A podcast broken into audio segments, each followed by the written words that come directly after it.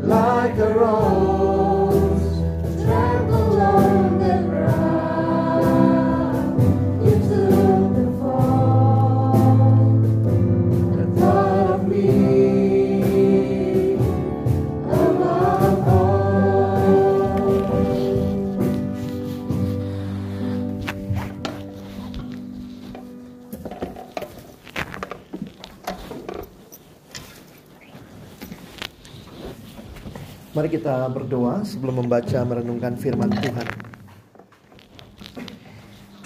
Bapa di dalam surga, kami bersyukur hari ini kami boleh bersama-sama merayakan kebangkitan-Mu dan itu memberikan kepada kami keyakinan bahwa hidup kami saat ini menjadi hidup yang kami persembahkan kepada Tuhan.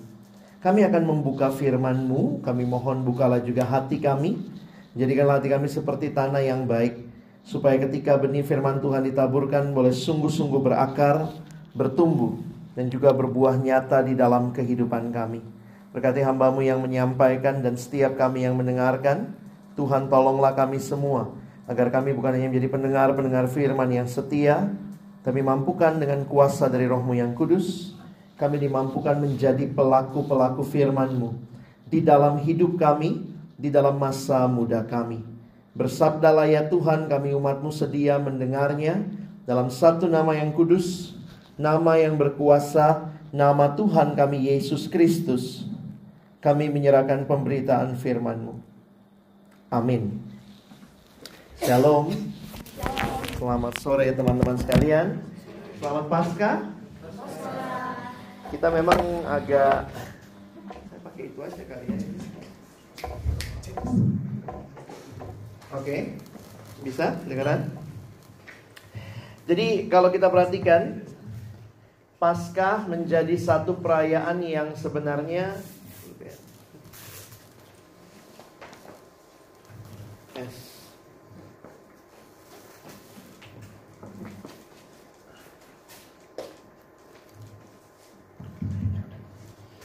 Iya, Paskah ini menjadi satu perayaan di dalam kekristenan yang merupakan perayaan yang inti sebenarnya. Gereja baru pada abad keempat, pada tahun 313 baru mulai merayakan Natal. Apa yang gereja rayakan dari awal, yang gereja rayakan adalah Paskah. Jadi ketika orang-orang Kristen memilih untuk beribadah pada hari pertama minggu itu. Itu menjadi satu tanda di masa itulah maka mulai gereja merayakan. Apa yang dirayakan pada hari Minggu yang diingat adalah kebangkitan Kristus. Karena itu kalau teman-teman rajin ke gereja, satu tahun ke gereja, maka kalian sudah rayakan Paskah 52 kali. Tambah sore ini 53. Tambah mungkin besok di Paskah UI 54 gitu ya. Nah, apa yang menarik tentang Paskah? Paskah menjadi perayaan yang khas Kristen. Semua pendiri agama punya hari kelahiran. Semua pendiri agama punya hari kematian. Tapi hanya Yesus yang punya hari kebangkitan. Karena itu sayangnya memang kayaknya Paskah kurang populer ya. Kita pun ngomong selamat Paskahnya pas hari Paskahnya. Kalau Natal sampai Januari ketemu eh selamat Natal ya. Kalau Natalnya udah Januari, udah lewat uh, Desembernya ya.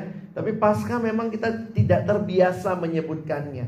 Tapi saya pikir ini harusnya jadi tradisi kita juga bahwa Paskah menjadi satu hal yang penting bagi iman kita. Nah, apa yang kita peringati pada waktu kita merayakan Paskah? Dan saya ingin kita mengajak kita sama-sama melihat beberapa ayat pada sore hari ini dalam tema yang diberikan kepada kita save. Lalu nextnya apa? Kira-kira gitu ya. Mari kita buka kitab Roma. saya mengajak teman-teman lihat Roma pasalnya yang ke-6.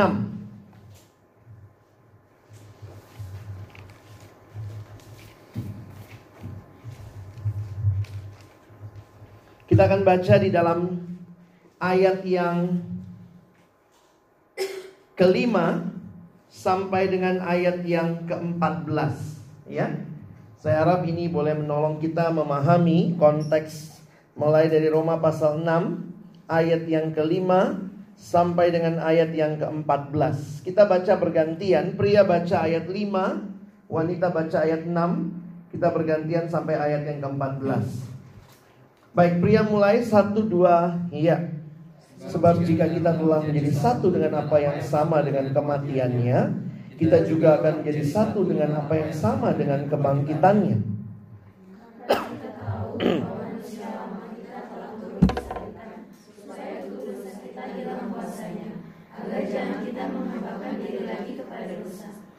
Sebab siapa yang telah mati, ia telah bebas dari dosa.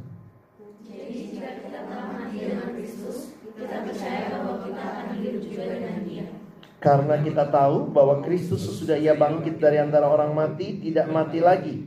Maut tidak berkuasa lagi atas dia. Sebab kematiannya adalah kematian terhadap dosa. Satu kali dan untuk selama-lamanya. Dan kehidupannya adalah kehidupan bagi Allah. Demikianlah hendaknya kamu memandangnya bahwa kamu telah mati bagi dosa, tetapi kamu hidup bagi Allah dalam Kristus Yesus. Sebab itu hendaklah dosa jangan berkuasa lagi dalam tubuhmu yang fana supaya kamu jangan lagi menuruti keinginannya. Dan janganlah kamu menyerahkan anggota-anggota tubuhmu kepada dosa untuk dipakai sebagai senjata kelaliman. Tetapi serahkanlah dirimu kepada Allah sebagai orang-orang yang dahulu mati, tetapi yang sekarang hidup. Dan serahkanlah anggota-anggota tubuhmu kepada Allah untuk menjadi senjata-senjata kebenaran. Sebab kamu tidak akan dikuasai lagi oleh dosa, karena kamu tidak berada di bawah hukum Taurat, tetapi di bawah kasih karunia. Saudara yang dikasihi Tuhan, apa yang menarik dari pengalaman Paskah bagi Rasul Paulus ini bukan cuma satu fakta historis yang terjadi di dalam sejarah. Kalau kita baca kitab-kitab Injil, maka kitab-kitab Injil itu memberikan fokus yang penting sekali kepada kematian dan kebangkitan Yesus. Kalau kalian perhatikan, hanya dua Injil yang mencatat kelahiran Yesus. Injil Matius, Injil Lukas. Yohanes mencatat sebelum Yesus datang ke dalam dunia sebagai manusia. Tetapi empat Injil mencatat tentang kematian dan kebangkitan Kristus. Karena itu kalau kalian perhatikan ini menjadi hal yang penting sekali bahwa fakta Injil bicara tentang kematian dan kebangkitan Kristus itu sebuah fakta sejarah. Ternyata hoax itu bukan baru ada sekarang, dari zaman dulu juga sudah ada. Waktu dibilang Yesus bangkit, banyak sekali teori-teori yang menyatakan enggak, dia enggak bangkit.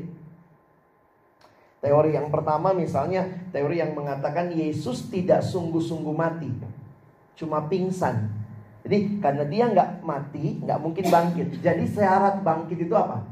Mesti mati, gitu ya. Nah teori itu bilang enggak, dia cuma pingsan. Ditambah lagi murid-muridnya mencuri mayatnya. Tapi itu udah, dipatahkan. Kalau kalian mengerti dan lihat tadi ya, film yang Mel Gibson bikin itu nggak mungkin orang yang disalib itu cuma setengah mati pun bukan setengah lagi itu ya pasti mati dan waktu ditusuk lambungnya maka katanya keluar air dan darah katanya air sama darah kalau nggak bercampur kalian lebih ngerti orang medis ya. Kalau air sama darah nggak nyampur itu berarti sudah mati. Karena kalau nggak yang keluarnya darahnya aja. Nah itu menggambarkan uh, hal yang yang terjadi secara fakta historis yang namanya kematian itu Yesus alami karena itu dia bangkit. Dan Injil menceritakan itu. Ada lagi yang bilang teori lain uh, tadi ya Yesus cuma pingsan lalu kemudian murid-muridnya curi mayatnya. Ada lagi teori salah kubur. Ada tuh. Siapa yang memperkenalkan itu karena kaitannya dengan wanita. Wanita yang datang ke kubur hari itu datang ke kubur yang salah. Wanita memang maaf katanya GPS-nya kadang wrong gitu ya.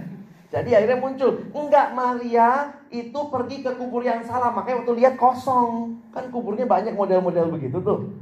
Ini cerita lagi ada teori salah kubur. Tapi kalau kalian baca kitab Injil, semua apa ya hoax-hoax itu sudah dipatahkan sebenarnya dengan berbagai cara mencatatnya kitab Injil.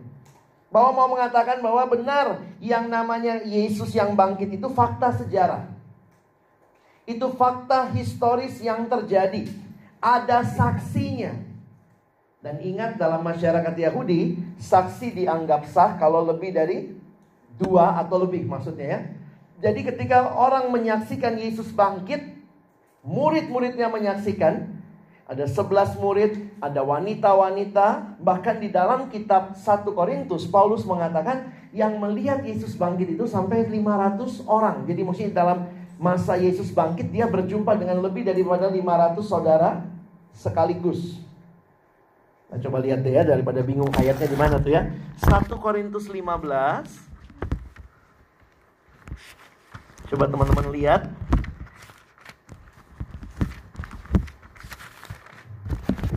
di dalam ayat yang ke 6. Saya baca 5, kalian baca 6 dan 7. Bahwa ia telah menampakkan diri kepada Kefas, Kefas itu Petrus ya, dan kemudian kepada kedua belas muridnya,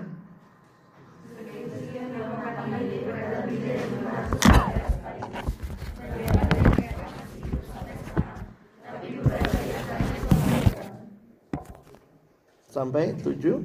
Selanjutnya ia menampakkan diri kepada Yakobus, kemudian kepada semua rasul. Jadi, Yesus bangkit itu benar-benar fakta historis. 500 orang melihatnya. Kalau dibilang halusinasi, gimana bisa halusinasi berjamaah? 500 orang halusinasi bareng.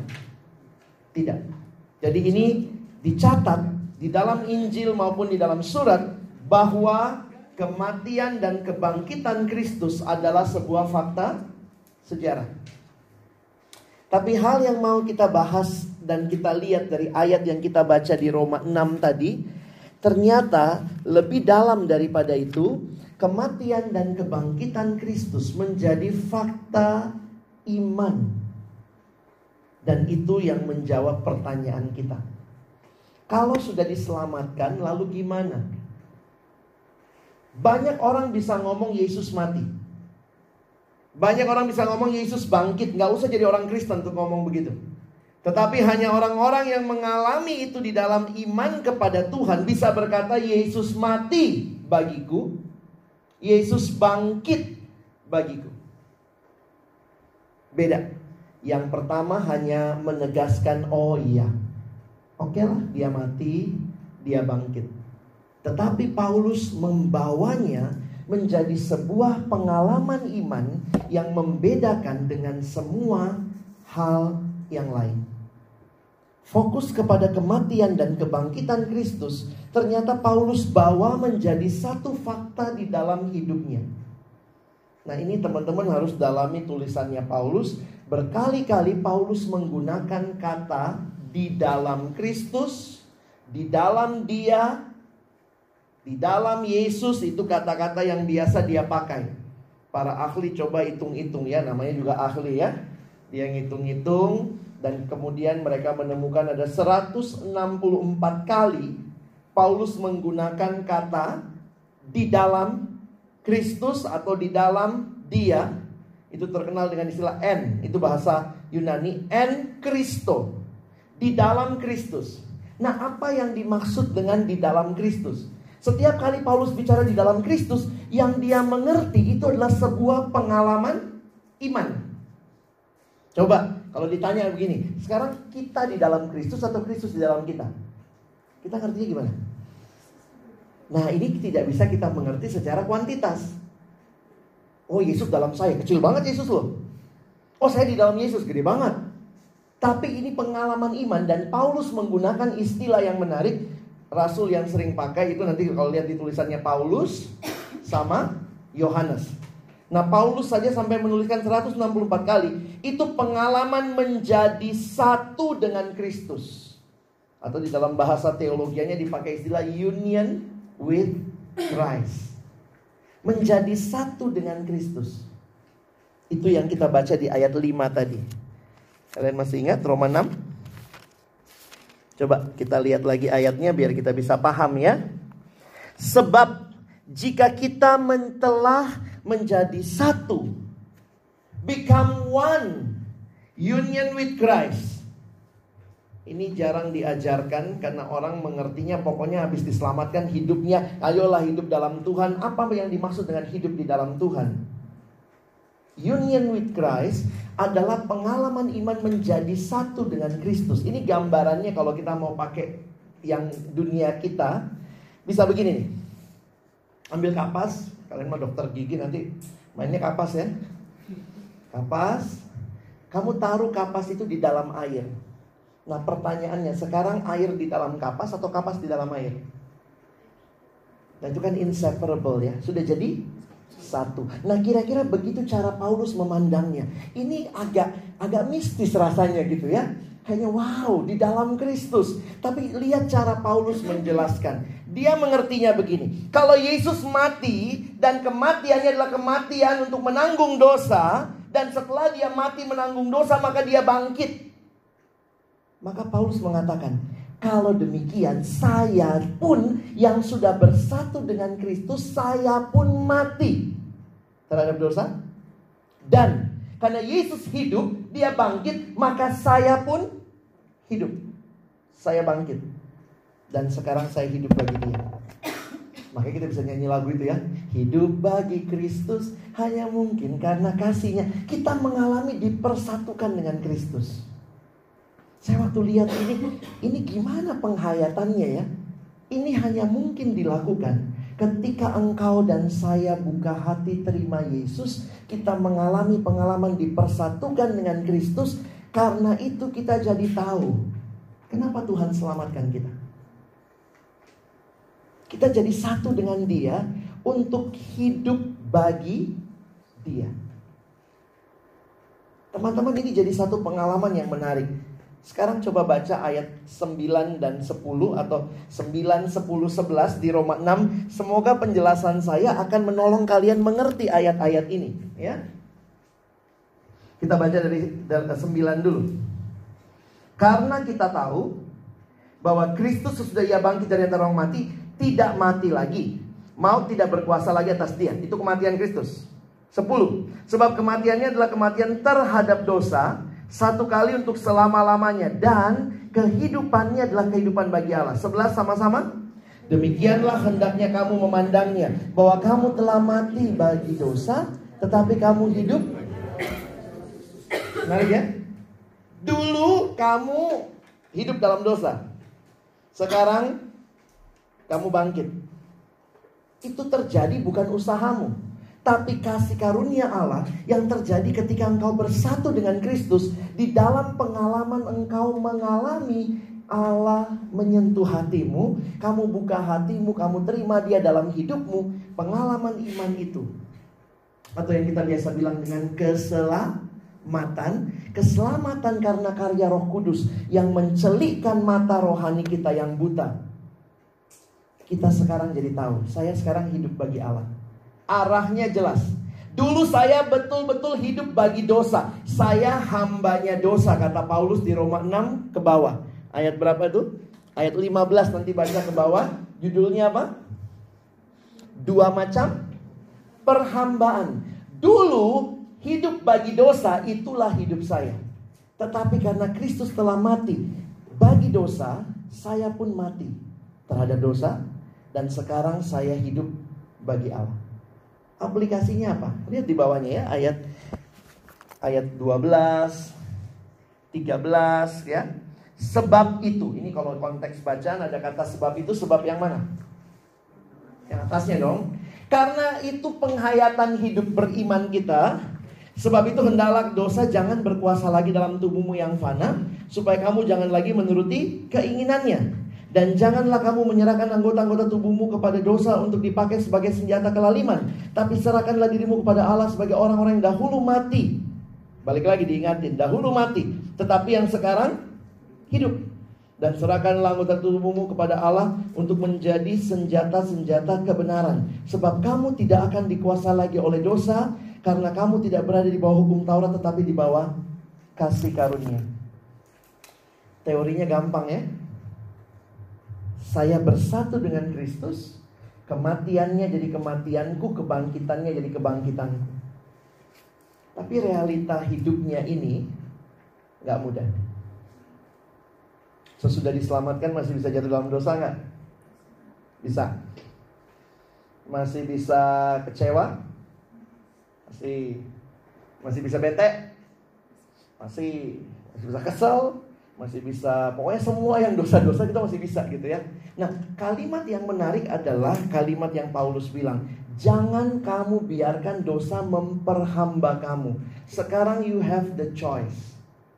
Dulu kamu diperhamba. Diperhamba itu begini. Ini menarik. Paulus menggunakan gambaran personifikasi. Hamba itu mau tidak mau harus mau. Itulah hamba.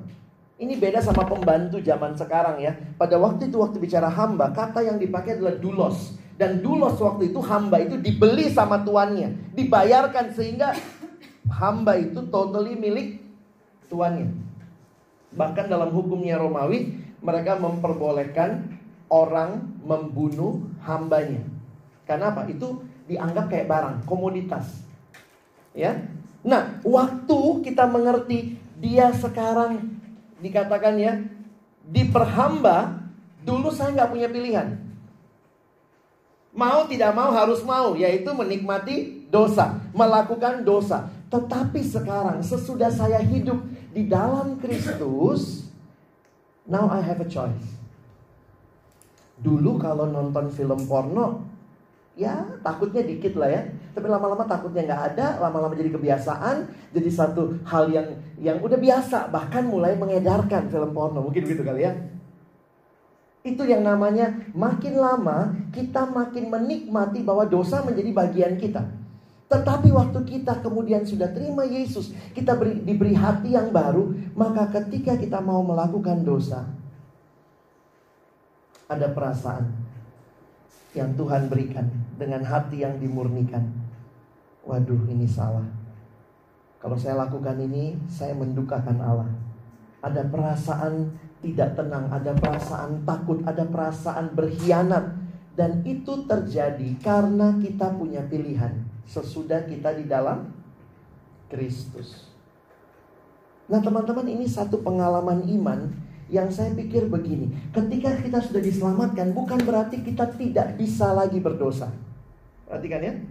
Tapi relasi kita sama dosa berubah.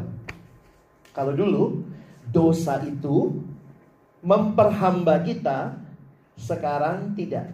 Saya ada di bawah kuasa Tuhan dan saya punya pilihan untuk tidak menerus terus menerus jatuh melakukan dosa yang sama. Loh, dari mana kekuatannya?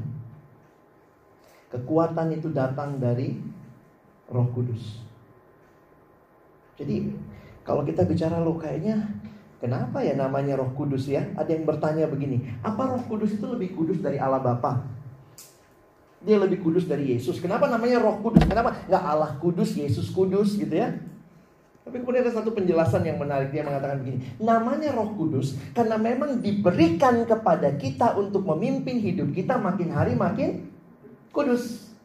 Jadi, sesudah kita diberikan hidup yang baru, Tuhan mau kita kembali ke desain awal Dia ciptakan kita untuk kita hidup memuliakan Dia dan karena itu Dia kasih rohnya yang kudus memimpin kita hari demi hari makin hari makin kudus. Jadi apa buktinya? Kamu sudah diselamatkan. Apakah hidupmu makin hari dipimpin makin kudus? Loh, kalau saya masih ngalamin jatuh bangun, oh jatuh bangun itu fakta dari realita hidup yang dikuduskan. Tapi kalau kamu terkapar, berkubang dalam dosa, berenang-berenang di situ itu yang ngeri itu. Tapi kalau kamu masih masih punya perasaan mau bangkit, mau hidup bagi Allah, saya pikir justru itu karena Roh Kudus ada dan bekerja dalam hidup. Jadi ada yang datang sama saya cerita begini, Bang Alex, saya ini udah selamat belum ya? Kenapa? Kok saya masih jatuh lagi di pornografi dari SMA sampai sekarang masih di situ aja? Saya bilang kalau kamu nanya selamat apa enggak, saya nggak tahu itu urusanmu sama Tuhan ya. Tapi yang saya bisa katakan, ketika kamu masih sensitif, kamu masih merasa itu dosa, sebenarnya itu tanda ada Roh Kudus dalam dirimu. Kalau kamu sudah tidak ada lagi perasaan takut, kamu sudah menikmati dosa itu, mungkin kamu sedang dikuasai Roh Kudus. Kalau Roh Kudus pimpin hidupmu makin hari makin kudus. Kalau Roh Kudus makin kudus. Kalau Roh Kuda makin liar kau. Jadi sebenarnya ini bukan ini bukan penghiburan ya asik, boleh bikin dosa. Tidak, tapi arahnya jelas. Kamu jatuh bisa jatuh, tapi bangkit lagi dan untuk hidup bagi Allah. Dan Tuhan berikan itu kepada kita. Kita diberikan hati yang baru, selera yang baru. Bayangkan dulu seleranya nikmati dosa. Sekarang hati yang baru itu, hati yang mengatakan bukan itu. Itu najis. Itu gak benar. Makanya di dalam teologi ya, sesudah orang diselamatkan, prosesnya apa? Namanya pengudusan. Saya ulangi ya.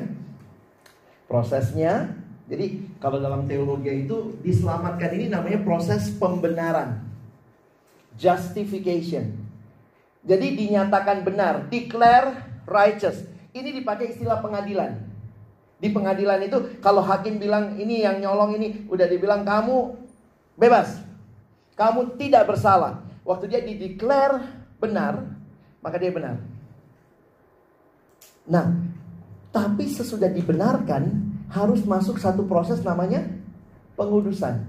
Dan uniknya dalam pengudusan itu Tuhan gak tinggalin kita sendiri loh. Tuhan kasih rohnya yang kudus. Untuk menolong kita makin hari makin kudus. Sampai waktu dia datang kedua kali. Di situ baru kita sempurna. Jangan mimpi bisa sempurna sekarang ya. Sempurnanya nanti. Saya kasih contoh yang lebih gampang begini.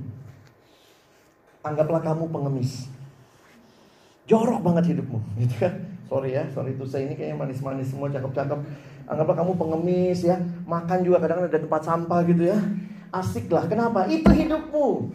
Nothing wrong, perutmu kayaknya kebal, makan apa aja nggak masalah. Pepaya busuk tiga hari masih dimakan, masih enak gitu ya. Bayangkan misalnya begitu ya, benar-benar totally hidupmu adalah seorang pengemis, seorang peminta-minta, tapi ya kekuatanmu cuma cakep dikit dan muda, gitu ya.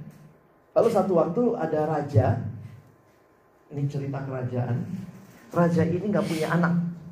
Dan raja ini akhirnya dia searching siapa orang di kerajaannya. Dia nggak bisa percaya yang tua-tua nih, koruptor semua nih.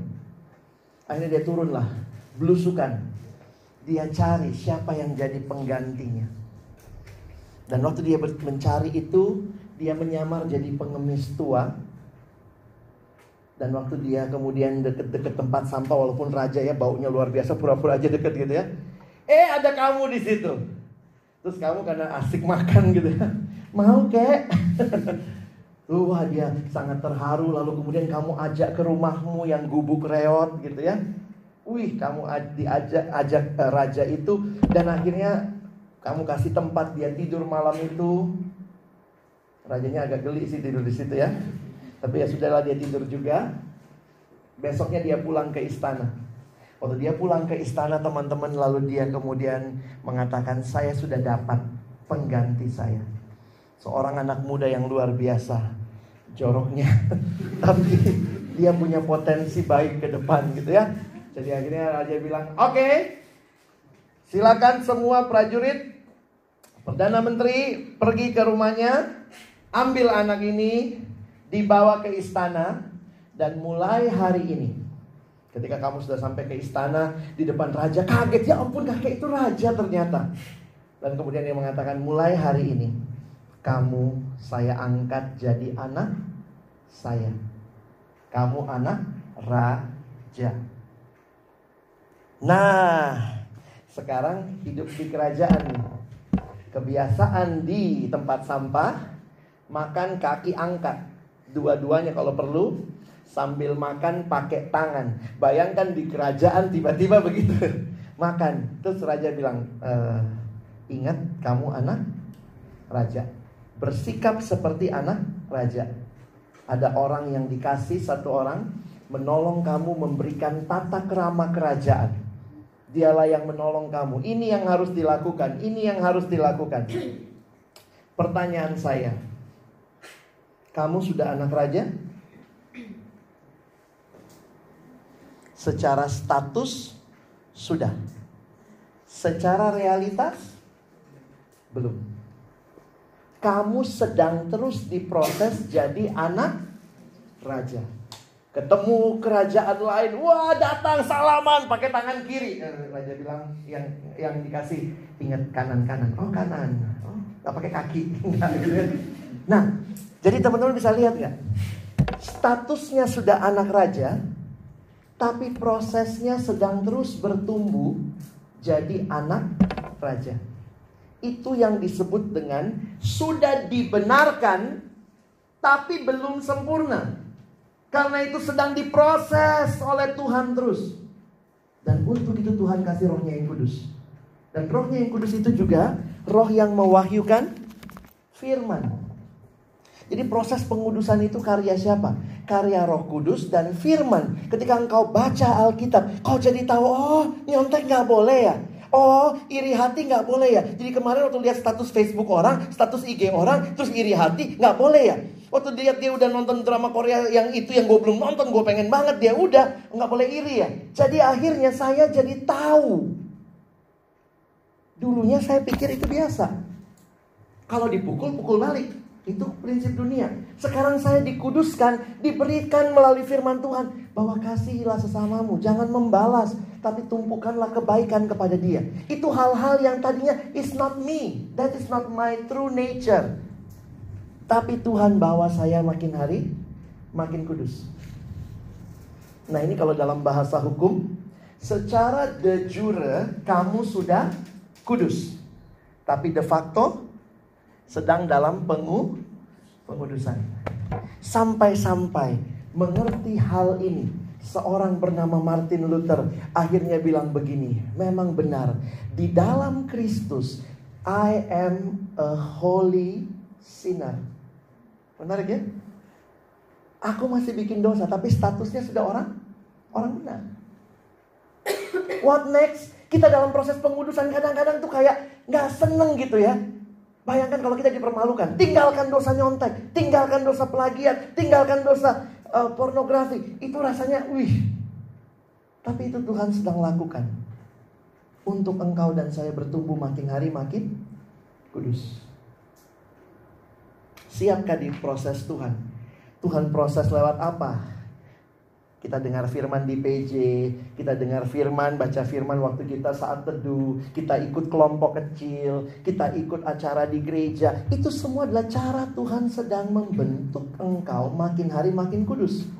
Karena itu, berilah dirimu dikuduskan oleh Tuhan. Nah, ini hal yang saya pikir kita perlu ingat sama-sama. Dan Allah yang bangkit, Allah yang memberikan kepada kita jaminan manusia tuh nggak punya harapan teman-teman. Karena siklus hidup kita, apalagi di dalam dosa cuma begini. Lahir, hidup, mati. Lahir, hidup, mati. Yesus bangkit sehingga kita melihat hidup bukan berakhir pada kematian. Lahir, hidup, mati, bangkit. Karena dia hidup ada hari esok. Kita tidak berhenti di kematian. Dan kadang-kadang kita dalam keputusasaan kita. Ya ampun Tuhan, ini gimana sih? Mungkin kita juga banyak putus asa dalam kuliah, berharap dosennya yang mati atau gue yang mati gitu ya. Kadang-kadang gitu ya. yang paling mengerikan adalah manusia yang tanpa pengharapan. Tapi ketika Kristus bangkit, dia berikan kita pengha pengharapan. Teman-teman, kalau dulu mungkin kamu begitu menikmati dosa, sekarang sedang terus holy sinner dibentuk, memang belum sempurna, tapi saya sedang menuju kesempurnaan, saya terus dibentuk. Sekarang saya tidak lagi menikmati dosa-dosa yang dulu saya sangat nikmati. Kalau saya jatuh, saya tahu saya bangkit lagi. Itu menjadi pengharapan bagi orang-orang yang lagi hidup dalam dosa. Kadang-kadang saya pikir berita Injil yang paling jelas adalah hidup yang diubahkan. Yang akan bilang sama orang lain, percaya sama Yesus. Ah, kayak mana Yesus itu? Ini yang dia lakukan buat hidupku. Dulu aku cinta sekali sama dosa. Sekarang aku belajar mencintai dia. Saya pikir cara Tuhan ajaib dalam hidup kita. Saya nggak tahu gimana Tuhan bentuk kamu. Saya ini dulu waktu kecilnya suka ngomong jorok. Jadi saya ingat banget tuh mama saya sampai nggak tahu lagi mau ngapain nih anak gitu ya. Saya ingat waktu itu mama saya karena gini loh teman-teman ya, saya dibesarkan papa mama kerja. Jadi ada pembantu di rumah. Yang unik tuh pembantu saya pacaran sama tukang beca. Ini kayak sinetron ya. Pembantu saya pacaran sama tukang beca. Lalu kemudian ritual sore hari saya dan kakak saya adalah keliling kota naik beca gratis. Mereka pacaran, kami keliling-keliling dan saya masih ingat saya masih balita tuh. Jadi itu semua kata-kata kotor tukang beca masuk di pikiran saya. Sehingga tuh saya gampang banget, apalagi kalau lagi marah, itu kata-kata gampang banget keluar yang kotor-kotor. Nah waktu saya masih kecil itu, saya ingat mama saya sampai udah gak tahu mau ngapain, dia pergi ke sekolah. Dilaporin saya sama guru TK, guru TK loh. Ibu jangan ketipu tampangnya yang imut-imut. Saya dari dulu imut ya. Ini mulutnya bu, amit-amit bu. Dan satu waktu saya ingat saya pulang sekolah, eh, mungkin SD ya, SD kelas 1 atau kelas 2.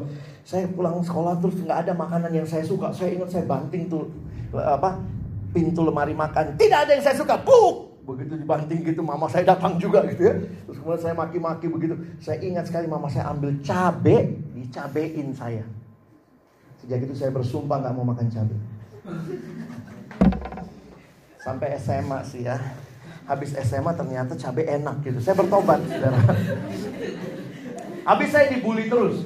Gara-gara nggak makan cabai. Kalau saya lagi doa makan nih, teman saya cara mendapatkan makanan saya waktu saya doa diapain? Dicabein. Begitu amin punya dia lah. Gitu kan. Dulu saya benci banget sama cabai.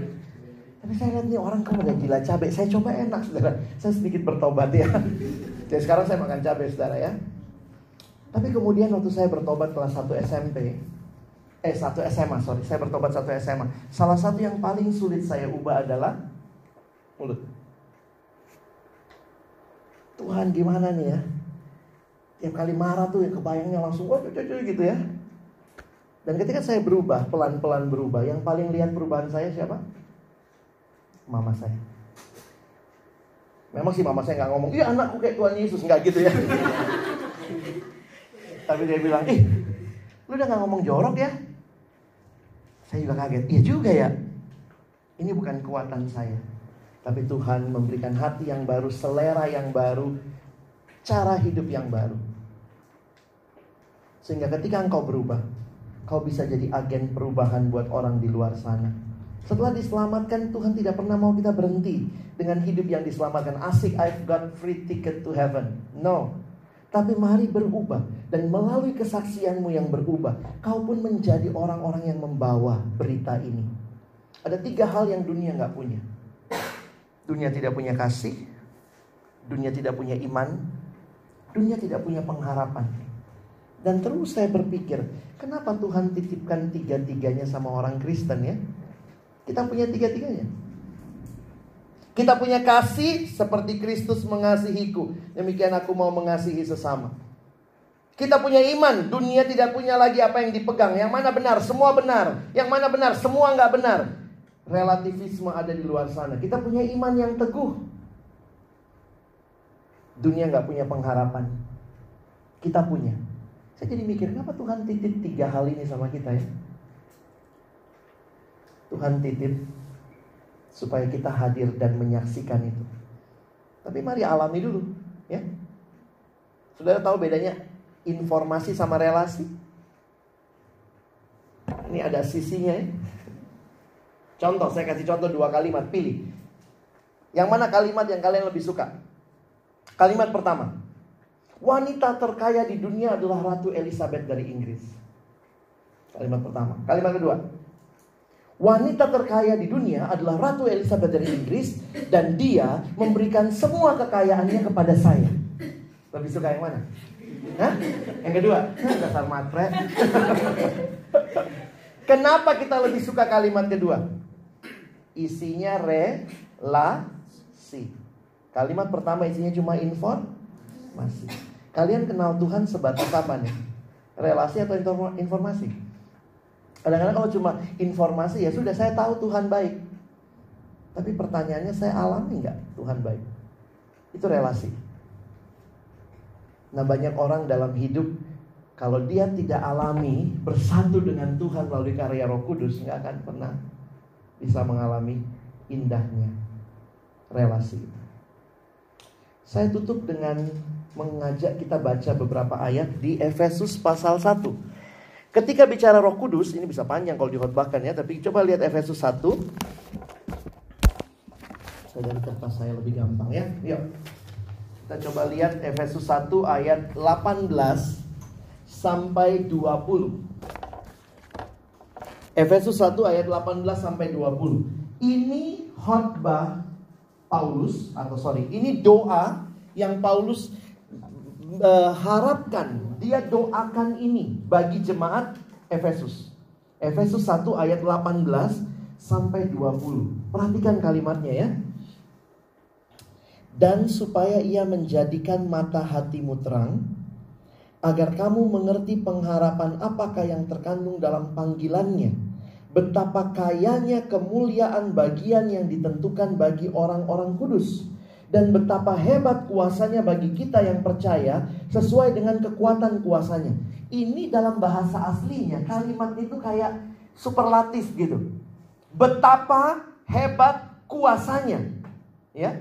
Betapa kayanya kemuliaan bagian. Jadi itu kalimat yang banyak-banyak banget gitu. Dan itu dari mana? Perhatikan ayat 20. Yang dikerjakannya di dalam Kristus dengan membangkitkan dia dari antara orang mati dan mendudukkan dia di sebelah kanannya di sorga. Mungkin teman-teman mikir apa hubungannya? Kenapa saya bilang ayat ini tentang roh kudus? Perhatikan, siapa yang kuasanya hebat yang dimaksud di sini. Saya meyakini itu adalah roh kudus kalau kalian baca dari ayat 13 dan 14. Naik sedikit, baca 13-14, kalian akan melihat cara Paulus mencatat bahwa ketika kita percaya, Roh Kudus diberikan menjadi materai bagi kita. Dan lihat cara Paulus bilang, aku berdoa supaya Tuhan menjadikan mata hatimu terang, supaya kamu bisa mengerti betapa hebat Roh Kudus yang diam di dalam kamu. Kira-kira begitu kalimatnya. Jadi Roh Kudus sudah ada belum? Sudah. Tapi saya berdoa kata Paulus supaya orang-orang yang punya Roh Kudus ini sadar betapa hebat kuasanya. Di dalam perjanjian lama, kuasa Allah dihitung dari mana? Dari Allah mencipta. Dari mencipta dari tidak ada jadi ada, Allah dibilang hebat. Kuasa Allah dilihat dari menciptakan dari tidak ada jadi ada. Di perjanjian baru, di mana kelihatan kehebatan kuasa Allah? Membangkitkan dari orang mati jadi hidup. Itu ayat 20. Lihat ayat 20. Yang dikerjakannya dalam Kristus dengan membangkitkan dia dari antara orang mati. Siapa yang membangkitkan Kristus dari antara orang mati? Allah. Allah yang juga memberikan rohnya. Allah yang memberikan rohnya itu membangkitkan Kristus dari antara orang mati. Jadi kalau saya pakai persamaannya begini. Roh kudus itu roh yang mencipta di perjanjian lama dan roh yang membangkitkan Yesus. Hebat nggak tuh? Dia ya, lebih hebat dari Thanos ya. Sorry nggak boleh spoiler ya. Tapi Thanos begini pada mati separuh dunia, kan? Tanpa pengharapan. Nah, ini lagi dikasih tahu saya nggak bakal spoiler, tenang aja. Pokoknya itu kan yang terakhir kemarin-kemarin, gini mati dia seluruh separuh dunia. Perhatikan kalimatnya apa? Roh Kudus ini dia yang bangkitkan Yesus. Jadi Paulus lagi mau bilang begini. Roh yang ada dalam kamu itu roh yang sama dengan yang mencipta di perjanjian lama dan roh yang sama yang bangkitkan Yesus sekarang diam di dalam kamu. Alami kuasanya. Jangan cuma informasi. Alami kuasanya. Ketika engkau bergumul dengan dosa, yakinilah bahwa ada kuasa roh kudus yang berdiam di dalam kamu. Dan kuasanya dahsyat teman-teman. Kadang-kadang kita suka nggak berasa ya. Kita jadi orang Kristen yang kalah dalam dunia padahal roh yang ada dalam diri kita itu roh yang membangkitkan Yesus. Sehingga Paulus sampai harus berdoa, Tuhan biar mata mereka terang Tuhan. Supaya mereka lihat kuasamu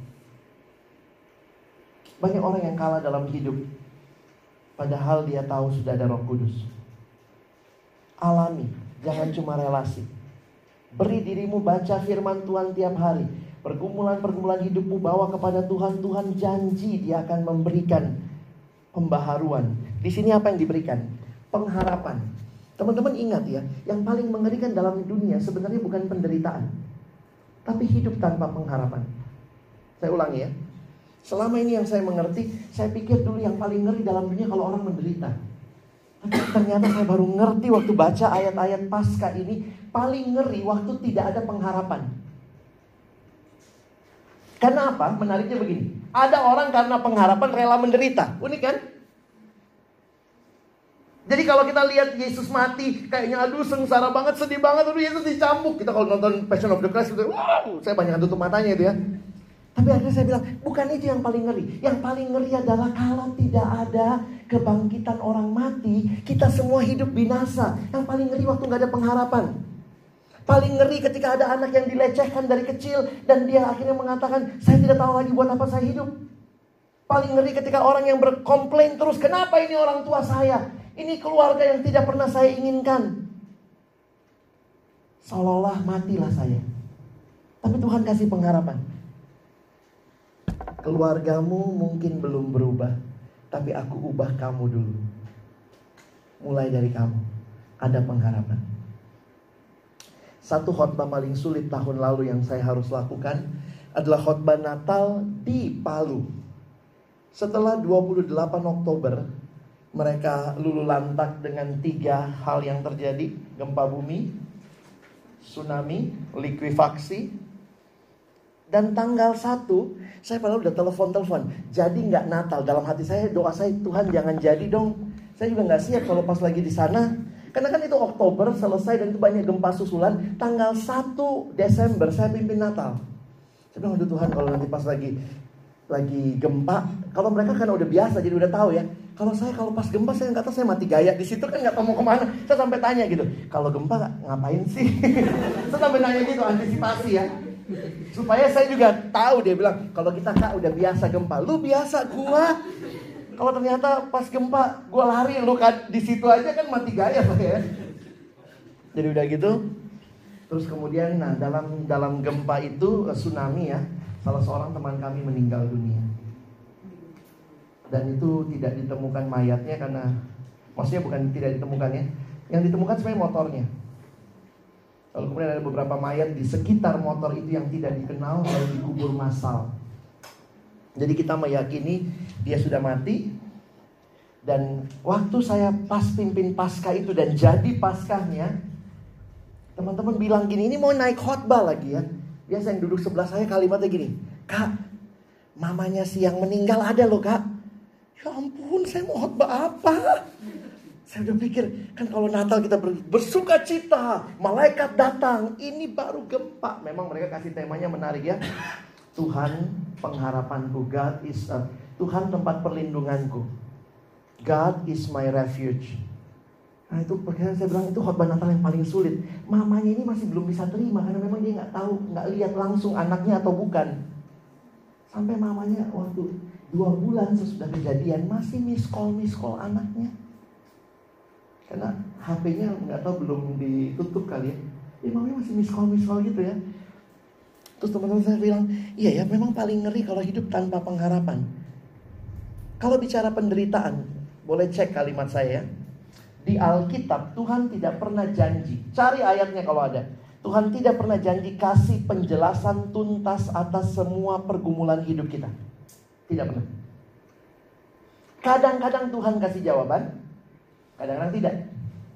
Tapi yang Tuhan janji adalah penyertaannya senantiasa. Kalau itu ada banyak ayatnya. Dari situ saya menyimpulkan begini. Kalau Tuhan gak janji ya gak usah kita tuntut-tuntut. Saya klaim dalam nama Yesus. Kenapa ini terjadi pada diri saya? Kenapa kita begitu ya? Kita minta saja yang Tuhan janji. Tuhan saya tidak tahu kenapa keluarga saya begini. Saya bahkan tidak suka orang tua seperti ini. Tapi saya minta penyertaanmu. Dan penyertaan Tuhan sering kali yang mengubah. Bukan mengubah orang tua saya. Tapi saya yang diubah bisa mengasihi mereka. Dikasih hati yang baru. Karena Tuhan tidak janji. Tuhan tidak tidak berjanji kasih penjelasan tuntas. Saya sampai sekarang kadang-kadang kita suka kasih penjelasan. Kita jadi Tuhan ya mungkin uh, makanya puji Tuhan juga waktu minggu lalu tuh ya uh, dosennya nggak masuk gitu. Jadinya akhirnya saya bisa ini. Jadi kita jadi Tuhan mau mereka-reka sendiri. Ya silahkanlah. Kadang-kadang ya matching-matching dikit. Tapi gimana menjelaskan Sri Lanka? Di mana Tuhan? Teman saya bilang saya tidak tahu bagaimana menjelaskan Sri Lanka tapi satu hal yang saya tahu Tuhan ada di sana. Kenapa dia diam Tuhan pilih diam, tapi yang jelas dia tidak pilih meninggalkan. Kadang-kadang Tuhan diam dalam pergumulan hidup kita, tapi dia tidak meninggalkan. Dan Yesus yang bangkit itu, dia berjalan bersama dengan para murid.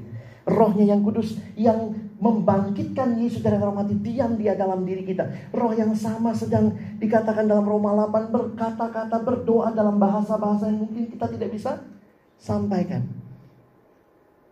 Sehingga bagi saya memang perjalanan hidup sesudah selamat nggak selamanya indah. Tapi indahnya itu bukan dari dari prinsip dunia karena nggak ada masalah. No, keindahannya karena Allah yang bangkit itu menyertai kita selama-lamanya. Alami hidup yang berubah, bagikan hidup itu kepada orang-orang di sekitarmu dan nikmati Yesus berjalan bersama teman-teman. Paskah bukan sekedar perayaan tapi pasca adalah perubahan. Karena Yesus yang bangkit, kuasa rohnya itu diam di hati kita. Selamat pasca, Tuhan Yesus memberkati. Mari kita berdoa.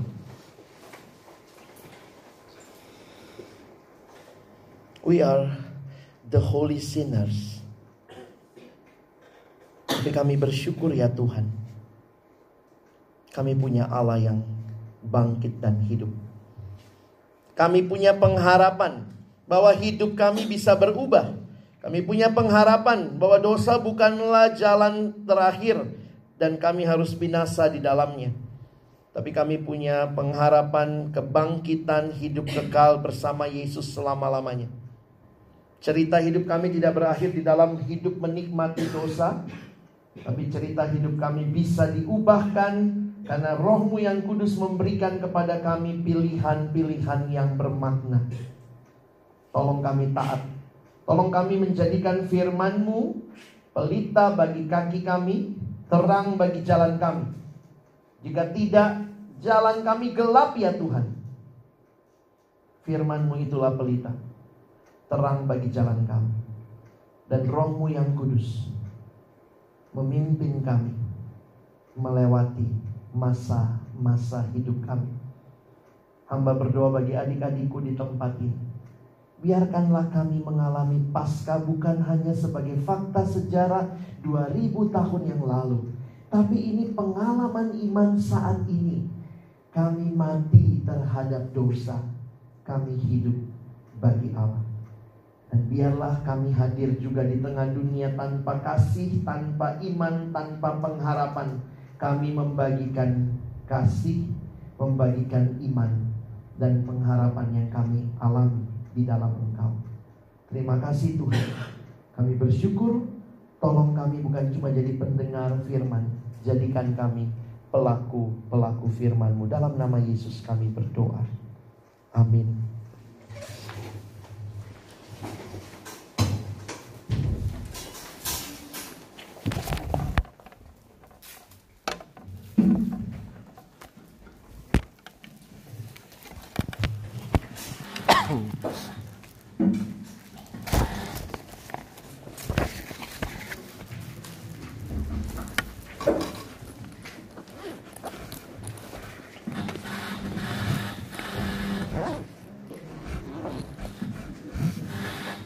Ya teman-teman, mari kita mau diubahkan dari hari ke hari untuk menjadi lebih kudus.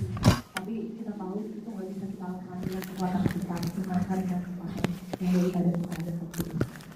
Mari kita datang kepada Bapa dalam kerinduan kita, memandang keindahannya, memberikan segala yang ada dalam diri kita, biar Tuhan yang selalu jadikan kita indah. Mari kita meresponi firman Tuhan dengan menyanyikan lagu Jadikan Aku Indah.